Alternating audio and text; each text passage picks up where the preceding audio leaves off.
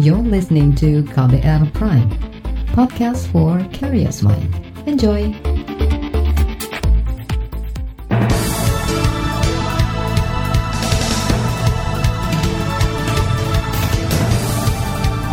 Selamat pagi saudara, senang sekali kami bisa menjumpai Anda kembali melalui program Buletin Pagi. Edisi hari ini Kamis 15 Oktober 2020 bersama saya Agus Lukman.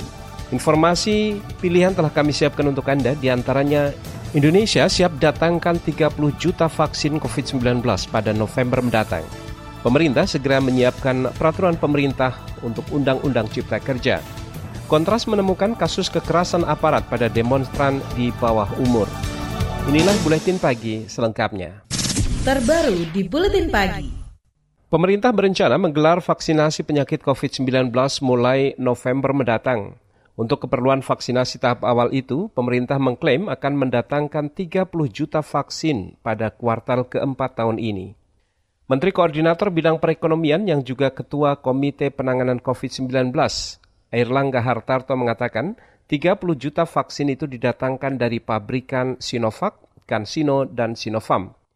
Pada November nanti, kata Airlangga, setidaknya perusahaan CanSino dan Sinovac menyanggupi mengirim lebih dari 5 juta dosis vaksin tahap awal ke Indonesia. Jadi pengadaan vaksin sampai dengan November 2000 uh, sampai dengan kuartal keempat itu disiapkan 271,3 juta dan tahun ini diharapkan 30 juta di mana itu berasal dari salah satu CanSino, Sinovac kemudian juga Sinopharm dan AstraZeneca. AstraZeneca ini uh, sudah ada komitmen 100 juta dan 50 juta sekarang sedang berangkat Menteri Kesehatan, Menteri Luar Negeri, Menteri BUMN untuk mempersiapkan 50 juta yang di order pertama dan dibayar. Ketua Komite Penanganan COVID-19 dan Pemulihan Ekonomi Nasional, Airlangga Hartarto mengklaim dua dari tiga vaksin yang akan didatangkan ke Indonesia telah lolos uji klinis fase ketiga. Vaksin buatan CanSino dan Sinovac telah mendapat izin penggunaan darurat di negara konsorsium pembuatnya yaitu Tiongkok, Uni Emirat Arab, dan Kanada. Sedangkan di Indonesia, izin penggunaan darurat akan dikeluarkan Badan Pengawas Obat dan Makanan BPOM setelah mengkaji data-data dari negara konsorsium. Sementara untuk vaksin Sinovac masih ditangani oleh perusahaan BUMN Bio Farma. Sementara itu, Ketua Pelaksana Komite Penanganan COVID-19, Erick Thohir mengatakan vaksin yang disiapkan pemerintah pada November mendatang akan diprioritaskan bagi tim medis yang berada di garda terdepan. Dalam wawancara dengan televisi swasta, Erick Thohir mengatakan tim medis merupakan petugas yang paling rawan terpapar COVID-19 karena langsung berhadapan dengan pasien. Ya, sudah seyogyanya kita prioritaskan proses yang benar, ya sesuai dengan arahan Bapak Presiden hmm. bahwa yang prioritas itu nanti tenaga kesehatan. Dokter perawat lab kan hmm. kasihan mereka semua. Yang sekarang udah hampir 8 bulan kerja yeah. terdepan. Ya kita masih begini. Mereka kan luar biasa 8 bulan ya 24 jam. Ya dan mohon maaf sudah ada beberapa yang mendahului. Dan itu harus harus yang menjadi terdepan. Karena itu sejak awal eh, ketika vaksin ini datang ya jangan kita duluan ya mereka duluan Ketua Pelaksana Komite Penanganan COVID-19 sekaligus Menteri BUMN Erick Thohir menambahkan, setelah pengiriman vaksin tahap pertama dan seluruh tim medis mendapatkan vaksinasi, pemerintah akan mulai memvaksinasi ke beberapa provinsi lain yang juga rawan terpapar COVID-19. Ikatan Dokter Indonesia menilai pemerintah sedang mengikuti langkah Tiongkok dan Rusia yang berencana memberikan vaksin ke warganya meski vaksin belum lolos uji klinis tahap 3 dan belum teruji efektivitasnya. Ketua Satgas COVID-19 dari ID, Zubairi Jurban, menilai keputusan melakukan vaksinasi lebih cepat itu karena keadaan darurat dan dimaksudkan untuk mengurangi jumlah korban jiwa. Namun Zubairi mengingatkan agar pemerintah memastikan vaksin yang digunakan di Indonesia nanti aman dan efektif. Uh, vaksin yang dipakai harusnya adalah vaksin yang aman dan efektif aman tidak bikin komplikasi, tidak bikin sakit, malahan efektif itu berarti berhasil, vaksinnya harus berhasil menyebabkan orang yang divaksinasi menjadi kebal terhadap COVID-19. Standar seluruh dunia sekarang ini adalah baru terbukti aman dan efektif kalau lolos uji klinik fase 3. Ketua Satgas Penanganan COVID-19 dari Ikatan Dokter Indonesia IDI, Zubairi Jurban menyebut IDI juga masih terus melakukan pembahasan terkait vaksinasi ini dengan pemerintah. IDI menyatakan ada 1,5 juta tenaga medis yang siap membantu pemerintah melakukan vaksinasi COVID-19. Di lain pihak, ahli epidemiologi dari Universitas Indonesia, Panduriono, meragukan rencana pemerintah terkait vaksinasi COVID-19 pada bulan depan. Pandu mempertanyakan apakah vaksin COVID-19 yang dibeli pemerintah itu sudah teruji efektivitas dan keamanannya. Pandu meminta pemerintah menjamin orang yang divaksinasi nanti tidak mendapatkan efek samping dan tidak terinfeksi COVID-19. Seharusnya bukan berdasarkan keputusan politik saja, tapi juga harus direview terbuka oleh semua ahli di dunia. Kenanya hal Indonesia, ini aja juga penetapan vaksin ini, penetapan vaksin itu saya meragukan bahwa itu mendengarkan atau dibicarakan terbuka di kalangan ahli kesehatan di Indonesia. Ya kan, mungkin saja dibicarakan, tapi dibicarakan tertutup. Ini menjadi masalah besar. Epidemiologi dari Universitas Indonesia, Pandu Riono menambahkan, vaksinasi bukan solusi jangka pendek penanganan COVID-19. Ia juga menilai rencana vaksinasi pada November mendatang terkesan terburu-buru. Menurut Pandu, solusi jangka pendek saat ini dalam menekan penyebaran virus corona adalah dengan pelacakan kontak pasien, isolasi pasien, dan meningkatkan pengetesan kepada penduduk. Pemerintah berjanji melibatkan warga dalam pembuatan aturan turunan Undang-Undang Cipta Kerja. Informasi selengkapnya kami hadirkan usai jeda, tetaplah di Buletin Pagi KBR. You're listening to KBR Pride, podcast for curious mind. Enjoy!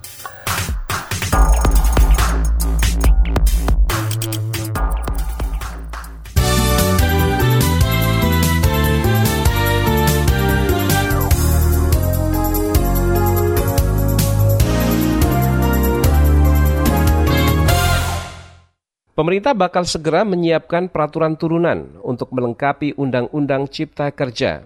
Tenaga ahli kedeputian dari kantor staf Presiden KSP, Doni Gahral Adian mengatakan, peraturan turunan akan dibuat setelah naskah Undang-Undang Cipta Kerja ditandatangani Presiden Joko Widodo. Pemerintah berjanji pembuatan peraturan turunan nanti seperti peraturan pemerintah akan melibatkan masyarakat, ormas, dan para ahli. Iya, saya kira langsung peraturan turunannya kan, karena ini kan sudah disahkan DPR dan dia akan berlaku menjadi undang-undang ya di tangan presiden. Artinya sekarang bekerja untuk menyusun peraturan turunan yang memang akan menjelaskan secara lebih detail apa-apa yang diatur Undang-Undang Cipta Kerja begitu. Ya sesegera mungkin ya, karena kan Presiden bilang tiga bulan. Saya kira eh, apa namanya tim juga sudah mulai bekerja sekarang. Itu tadi tenaga ahli kedeputian dari kantor staf kepresidenan Doni Gahral Adian Kemarin Saudara Sekretariat Jenderal DPR telah menyerahkan naskah Undang-Undang Cipta Kerja final ke Istana Negara melalui kantor Kementerian Sekretaris Negara. Undang-undang itu disahkan DPR pada Senin pekan lalu. Pengesahan RUU Cipta Kerja mendapat penolakan luas dan memicu aksi demonstrasi di berbagai daerah. Yayasan Lembaga Bantuan Hukum Indonesia YLBHI menyoroti tindakan kekerasan polisi terhadap jurnalis yang berulang. YLBHI menyebut angka kekerasan aparat terhadap jurnalis terus terjadi dalam lima tahun terakhir. Ketua Divisi Advokasi YLBHI Muhammad Isnur menyayangkan tidak adanya upaya perbaikan yang dilakukan polisi. Padahal setiap kali ada kasus kekerasan terhadap jurnalis, organisasi profesi hingga Dewan Pers selalu mengajukan keberatan ke institusi polisi. Jadi pertanyaan besar kalau kemudian tindakan seperti ini kejadiannya misalnya cukup banyak, cukup masif, apakah tidak ada kontrol, tidak ada pendidikan, tidak ada pelatihan kepada mereka untuk menghargai tugas-tugas jurnalistik? Ini pertanyaan besar. Apakah misalnya unit-unit Sabara, unit Brimob di lapangan yang kemudian berhadapan dengan masa tidak dibekali pengetahuan menghormati kerja jurnalistik? Kalau tidak ada, berarti ini sebuah lubang besar, sebuah titik uh, yang harus segera diperbaiki. Ketua Divisi Advokasi YLBHI Muhammad Isnur mendesak Polri untuk mengevaluasi kasus-kasus kekerasan terhadap jurnalis. YLBHI mendesak agar aparat yang terbukti merampas alat kerja maupun menganiaya jurnalis diadili di pengadilan umum. Sebelumnya, Saudara Aliansi Jurnalis Independen Aji Indonesia mencatat sedikitnya tujuh juralis menjadi korban kekerasan polisi saat peristiwa aksi menolak Undang-Undang Cipta Kerja di Jakarta pada pekan lalu. Federasi Serikat Buruh Rakyatan atau Serbuk Indonesia menemukan meningkatnya kasus pidana ketenaga kerjaan yang ditangani kepolisian. Sekjen Federasi Serbuk Indonesia Hamid Istakhori mengatakan dalam empat tahun terakhir ada lebih dari 80 kasus pidana ketenaga kerjaan. Kasus pidana ketenaga kerjaan adalah pidana yang melibatkan baik buruh atau pengusaha yang melanggar aturan ketenaga kerjaan. Sekjen Federasi Serikat Buruh Kerakyatan Indonesia Hamid Istakhori juga menemukan jika buruh korban pidana ketenaga kerjaan melapor ke polisi, pelapor itu dibebani harus memiliki dua alat bukti Padahal berdasarkan aturan, kewenangan mencari alat bukti ada pada penegak hukum. Bekas Sekretaris Mahkamah Agung Nur Hadi akan segera diadili di Pengadilan Tindak Pidana Korupsi Jakarta. Nur Hadi diduga menerima uang suap sebesar 46 miliar rupiah terkait dengan pengurusan perkara di Mahkamah Agung. Juru bicara Komisi Pemberantasan Korupsi KPK Ali Fikri mengatakan, KPK telah melimpahkan berkas perkara Nur Hadi dan juga menantunya Rizky Herbiono ke pengadilan tipikor. Tim penuntut KPK masih menunggu uh, penetapan tentang uh, penentuan hari sidang perdana, yaitu pembacaan uh, surat dakwaan oleh jaksa penuntut umum KPK dan tentu nanti kita semua bisa ikuti di dalam persidangan tersebut dan nantinya jaksa penuntut umum akan menguraikan uh, secara lengkap dan jelas di dalam surat dakwaan mengenai uh, rangkaian perbuatan yang diduga dilakukan oleh para ter Itu tadi juru bicara KPK Ali Fikri. Saudara bekas Sekretaris Mahkamah Agung Nur Hadi melalui menantunya Reski diduga menerima uang suap 46 miliar rupiah terkait dengan penanganan perkara di Mahkamah Agung pada 2016 lalu. Penyuapnya adalah pengusaha swasta Hendra. Nur Hadi dan menantunya ditangkap setelah buruan selama 4 bulan. Sedangkan tersangka penyuap yaitu Hendra masih berstatus buronan. Kita ke mancanegara, saudara pemerintah India memutuskan untuk membuka kembali sekolah mereka setelah sebelumnya ditutup selama tiga bulan lebih. Pemerintah India mengklaim angka kasus harian infeksi COVID-19 terus menurun. Kegiatan belajar tatap muka di India mulai digelar pada Rabu kemarin, meski banyak orang tua murid yang masih memilih pembelajaran jarak jauh. Selain sekolah, pemerintah India juga akan membuka kembali bioskop secara bertahap. Pekan ini angka kasus COVID-19 di India terus menurun setiap harinya. Pemerintah menyebut tambahan kasus positif baru di bawah 70 ribu kasus per hari. Total kasus COVID-19 di India mencapai 7,2 juta orang dengan angka kematian sekitar 110 ribu jiwa. Selanjutnya kami hadirkan laporan khas KBR menyoroti polemik kriteria pasien sembuh COVID-19. Laporan selengkapnya kami hadirkan usai jeda berikut tetaplah di Buletin Pagi. You're listening to KBR Pride, podcast for curious mind. Enjoy!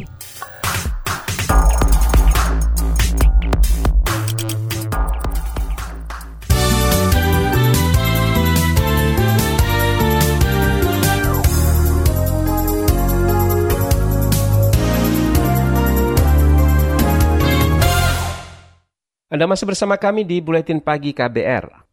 Kementerian Kesehatan merilis pedoman baru tentang kriteria sembuh pasien COVID-19. Dalam ketentuan itu, pasien tanpa gejala dinyatakan sembuh setelah isolasi mandiri selama waktu yang ditentukan tanpa perlu melakukan tes usap ulang. Namun ketentuan ini diragukan efektivitasnya dan secara sosial berisiko memunculkan konflik. Simak laporan yang disusun jurnalis KBR Astri Yuwanasari nama saya itu juga viral itu di komplek viral di teman-teman yang lain juga semua pada ini pada tahu itu di anu yang sakit. Nah itu jadi mungkin dari dari situ jadi masyarakat agak lama mau menerima lagi kami itu. Hussein Nazar sempat mendapat stigma dari tetangganya karena menjadi pasien COVID-19. Warga Bandung, Jawa Barat ini dirawat beberapa hari di rumah sakit, kemudian dipulangkan untuk menjalani isolasi mandiri di rumah. Ini lantaran Hussein dan istrinya termasuk pasien tanpa gejala. Berdasarkan pedoman Kementerian Kesehatan yang terbit Juli lalu, pasien seperti Husen memang boleh menjalani isolasi mandiri tanpa perlu dirawat di fasilitas kesehatan. Husen bahkan tak perlu dites usap ulang untuk dinyatakan sembuh. Husen cukup dikarantina mandiri selama 10 sampai 14 hari di rumah sejak terkonfirmasi positif COVID-19.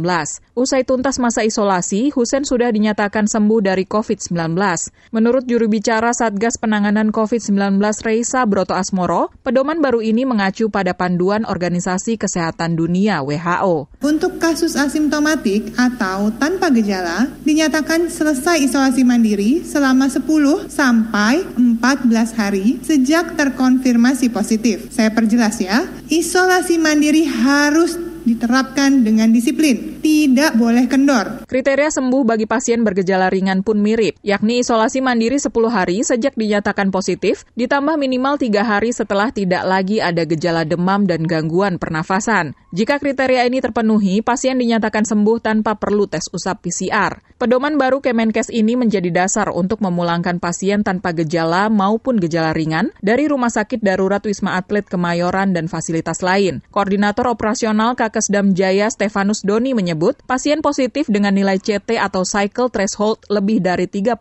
boleh dipulangkan. Nilai CT ini menunjukkan tingkat infeksiusitas virus corona di tubuh pasien. Menurut Doni, pasien dengan nilai CT tersebut sudah aman dan tidak berpotensi menularkan virus. Tentunya kita tetap juga mengacu kepada KMK tersebut, di mana khusus ringan dengan komorbid pemeriksaan ulang PCR. Tetapi kalau memang positif, tetap kita lakukan evaluasi dengan melihat klinisnya dan rongsennya seperti apa, saturasi oksigennya seperti apa. Kalau memang itu nanti cukup bagus, kita melihat lagi bahwa kalau memang CT-nya cukup aman, tidak menularkan, mereka juga bisa dipulangkan. Namun pedoman baru Kemenkes ini memunculkan persoalan secara sosial. Pasien tanpa gejala rentan ditolak atau mendapat stigma negatif saat menjalani isolasi mandiri di rumah, seperti yang dialami Husen dan istrinya. Sebagian warga menuntut ada bukti hasil resmi tes usap negatif COVID-19. Situasi ini diakui oleh Ketua Bidang Perubahan Perilaku Satgas COVID-19 Sony Harmadi. Namun, menurutnya, prosentase warga yang menolak atau resisten terhadap isolasi mandiri pasien positif termasuk kecil. Ia mengklaim lebih banyak masyarakat yang bersifat suportif jika ada pasien COVID-19 di lingkungannya. Kalau soal stigma, saya lihat memang ada stigma di masyarakat, tetapi persentasenya tidak besar tuh. Saya lupa persis ya, tapi kalau di datanya BPS itu ada cuma belasan persen lah masyarakat yang memberikan stigma. Tapi yang lainnya, hampir setengah dari respondennya BPS yang survei bulan lalu itu menunjukkan kalau ada orang yang terkonfirmasi positif, mereka langsung melakukan protokol kesehatan secara ketat. Artinya bukan terus kemudian mengecilkan orangnya, Sony terus mengimbau masyarakat agar tidak memberi stigma kepada pasien corona. Yang perlu dilakukan adalah upaya mitigasi dengan memberikan dukungan bagi pasien sekaligus melindungi warga yang sehat. Ketentuan baru soal kriteria sembuh pasien COVID-19 diragukan oleh dokter spesialis paru Franz Abednego Barus. Menurutnya, ketentuan nilai CT dari pemeriksaan PCR tidak bisa dijadikan acuan apakah virus masih infeksius atau tidak, sebab tiap mesin PCR punya nilai maksimum CT yang beragam. Ini kan diduga-duga semua, diduga-duga bahwa virusnya itu kalau CT-nya di atas 30, virusnya itu sudah mati dan tidak infeksius lagi. Belum ada data atau belum ada referensi yang menyatakan bahwa cut off point dari CT itu berapa untuk mengamankan. Karena setahu saya di perpustakaan barat negatif positif aja. Kalau positif berarti dia masih infeksius, masih sebagai potensial untuk infeksius. Frans menyebut masih menerapkan ketentuan dua kali tes PCR negatif untuk menyatakan pasien sembuh total dari COVID-19. Menurutnya, itu adalah cara paling aman untuk menghindari risiko penularan yang lebih besar. Jadi berkembangnya pendapat-pendapat begitu akan menimbulkan rasa aman yang palsu. Misalnya, ini CT-nya udah 31, oh kamu aman, santai aja. Udah dia buka masker di dalam rumah seberapa besar potensial infeksi seseorang dengan swab positif CT di atas 30 aman atau menginfeksi itu belum ada penelitian yang mendalam soal itu. Jadi kalau memang belum ada penelitian yang mendalam, marilah kita menyimpulkan yang aman-aman saja. Positif masih masih infeksi, negatif sudah tidak infeksi. Selesai. Demikian laporan tim KBR, saya Astri Yuwanasari. Informasi dari daerah akan kami sajikan usai jeda, tetaplah di Buletin Pagi. You're listening to KBR Pride, podcast for curious mind. Enjoy!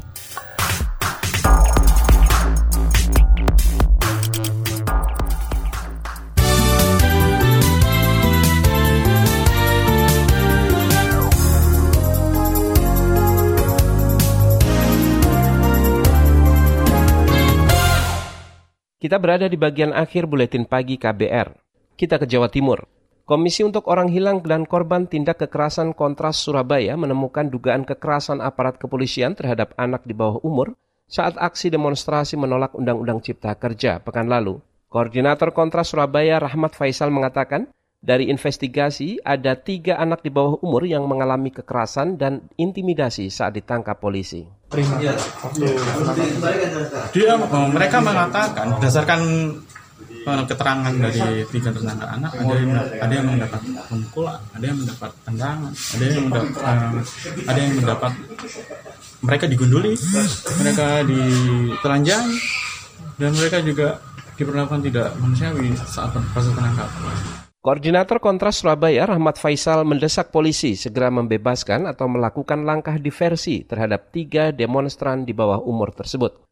Kontras juga berencana mengajukan somasi terhadap aparat kepolisian yang bertindak represif saat menangani aksi unjuk rasa pekan lalu. Sebelumnya, polisi Jawa Timur menangkap ratusan orang saat aksi unjuk rasa. Sebanyak 14 orang ditetapkan sebagai tersangka, di mana tujuh di antaranya anak-anak di bawah umur. Kita ke Jawa Barat, saudara Balai Rehabilitasi Sosial Wiata Guna di Bandung masih menutup seluruh panti tunanetra setelah ditemukan ada puluhan orang penghuni dan pegawainya positif terinfeksi COVID-19. Kepala Balai Rehabilitasi Sosial Wiata Guna Bandung, Darsono mengatakan, puluhan orang itu dinyatakan positif COVID-19 dari hasil tes usap pada awal Oktober lalu. Hasilnya di tanggal 6 itu disampaikan ada uh, beberapa teman yang terpapar, nah, sehingga langsung kami tutup uh, aktivitas orang keluar masuk Wiata Guna dan kasih papan pengumuman agar masyarakat juga kalau misalnya anda tutup kan ini gimana gitu. Artinya saya menyampaikan bahwa betapa kita harus menjaga kesehatan diri kita dan lingkungan kita gitu. Kepala Balai Rehabilitasi Sosial Wiyataguna Bandung, Darsono mengatakan, saat ini seluruh aktivitas di Wiyataguna dihentikan, termasuk sarana pijat dan refleksi, sedangkan kegiatan bekerja dan belajar dilakukan secara daring. Balai Rehabilitasi Sosial Wiyataguna merupakan pusat rehabilitasi bagi penyandang tunanetra. Informasi tadi, saudara, menutup jumpa kita di Buletin Pagi hari ini. Pantau juga informasi terbaru melalui kabar baru melalui situs kbr.id, Twitter kami di alamat @beritaKBR serta podcast di alamat kbrprime.id. Akhirnya saya Agus Lukman undur diri. Salam.